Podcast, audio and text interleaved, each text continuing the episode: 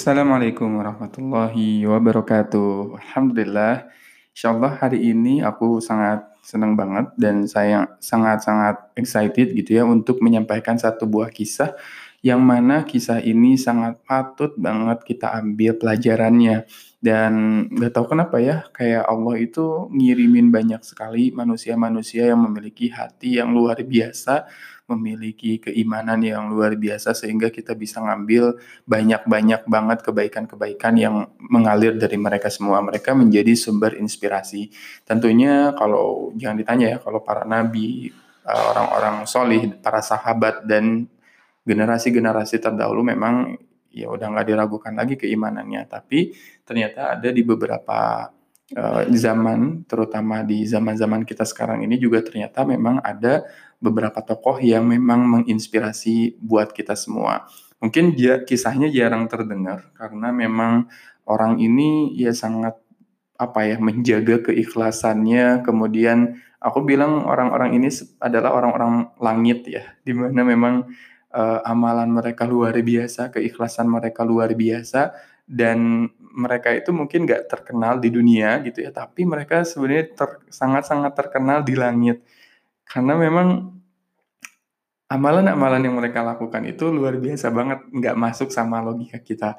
Ada beberapa tokoh yang aku ingin ceritakan pada kali ini. Uh, salah satunya adalah tokoh yang bernama Insinyur Solah Atiyah.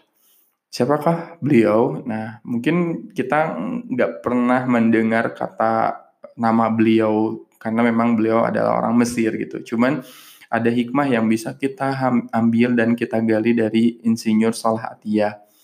Jadi kita kan bertanya nih, siapa nih Insinyur Salah Atiyah? Kenapa kematian beliau menggemparkan pada saat itu menggemparkan Kairo dengan pemakaman yang dihadiri lebih dari setengah juta orang yang luar biasa ya setengah juta orang mensolatkan jenazah beliau uh, benar-benar hadir di pemakaman beliau. Jadi kalau kita simak kisah dari Asosiasi Universitas Islam di Mesir, Al-Kisah dari kampung kecil bernama Tafahna Al-Ashraf, distrik Medgamir, Provinsi Dakoilah, Mesir. Jadi ada sembilan orang sarjana miskin lulusan Fakultas Pertanian.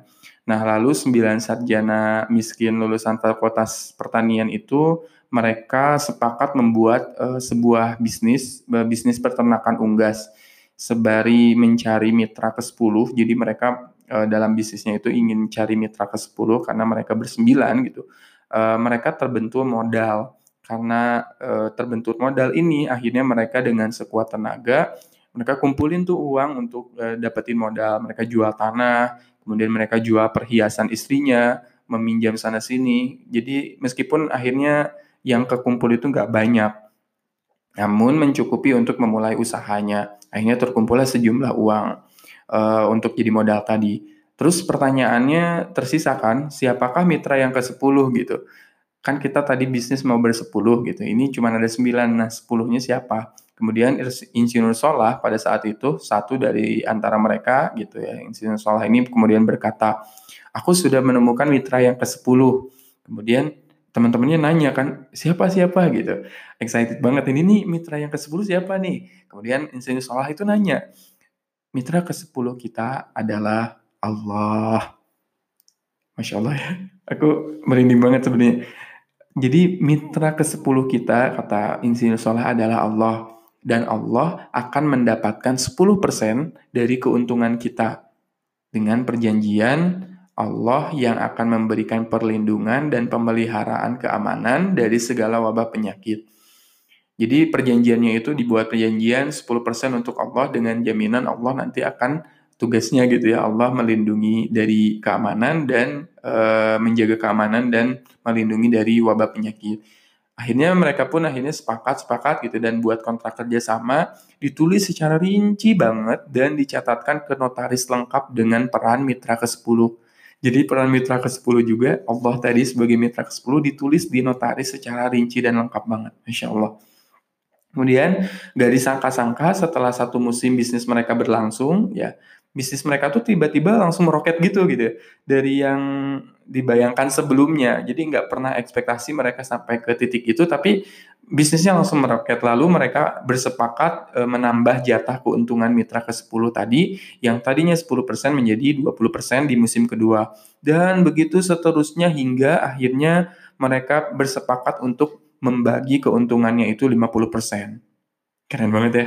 50% ke keuntungan untuk disalurkan ke Allah tadi, 50% lagi untuk ke mereka.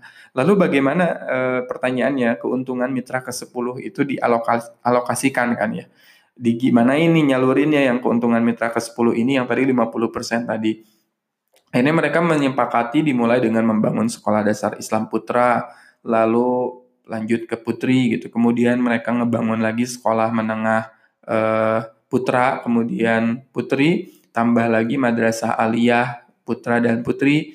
Uh, kemudian karena keuntungan itu terus banjir, akhirnya mereka membentuk baitul mal gitu, tempat ngumpulin uh, apa ya pendapatan mereka karena memang udah nggak ketampung lagi, mereka bikin baitul mal.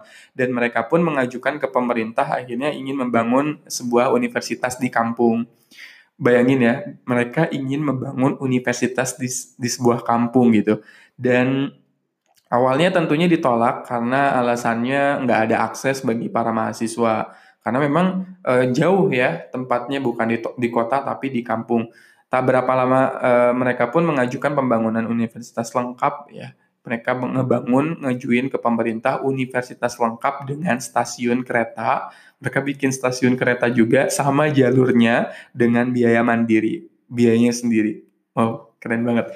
Jadi mereka nggak disetujui karena akses yang jauh, akhirnya mereka ngebangun uh, stasiun kereta api gitu ya.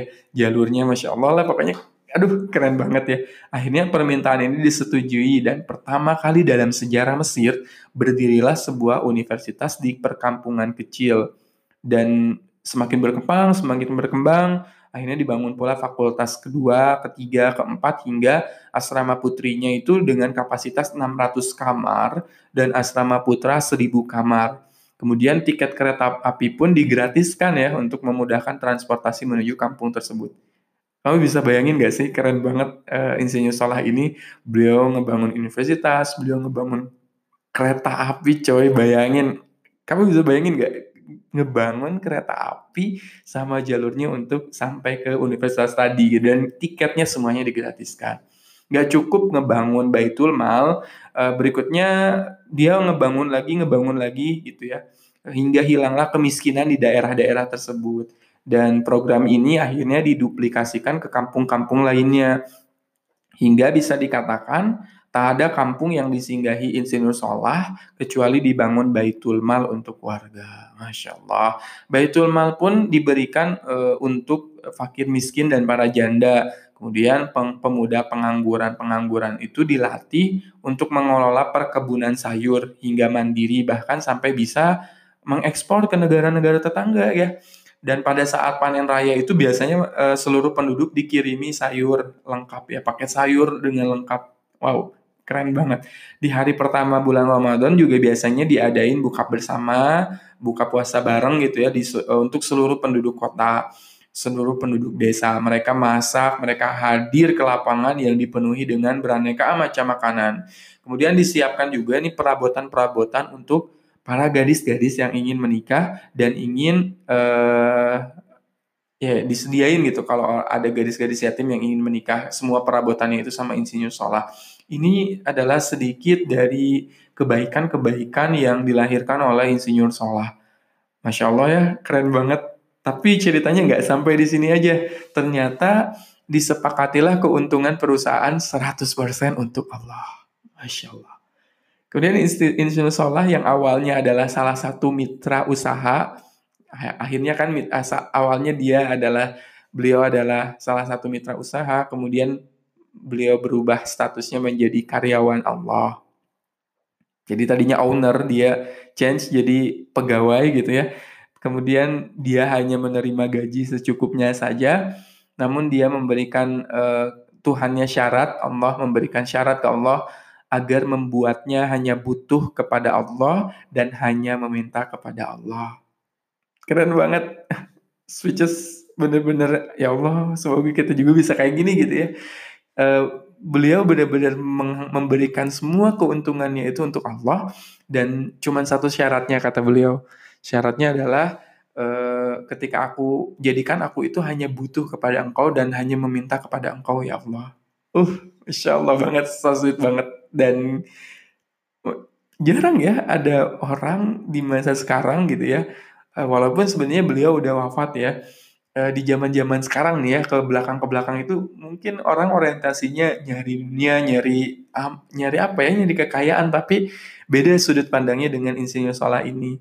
Nggak akhirnya benar-benar udah diberikan kepada Allah semuanya tadi keuntungan perusahaan itu insinyur uh, Salah Atia itu adalah uh, tokoh yang menakjubkan bagi aku gitu. Keikhlasannya membuat ia sama sekali menolak terkenal di media massa uh, dan keren banget ya meski orang yang melibatkan Allah ini udah wafat ya. Kebayang gak sih amal jariah yang selalu mengalir untuk insinyur Salah Atiyah? Pertanyaannya, hmm, akankah ini akan menjadi hanya sebatas kisah saja atau bisa menjadi teladan bagi kita mudah-mudahan sih uh, kita jadi dapat teladan dari Insinyur Salah Atia ini bagaimana beliau ikhlas banget ya. Beliau Masya Allah gitu ya, mengharapkan hanya ganjaran dan balasan dari Allah Subhanahu wa taala.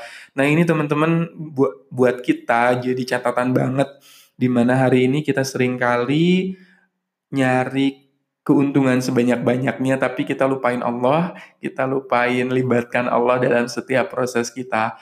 Jadi ini juga buat kita jadi motivasi banget ya untuk membagi keuntungan kita yang maksimal, yang keren banget, yang full-fullan untuk Allahnya, bukan hanya yang sisa, bukan hanya yang ala kadarnya, bukan hanya memberi yang memang ya segitu-gitu aja gitu, tapi benar-benar all out ketika memberi untuk Allah Subhanahu wa taala.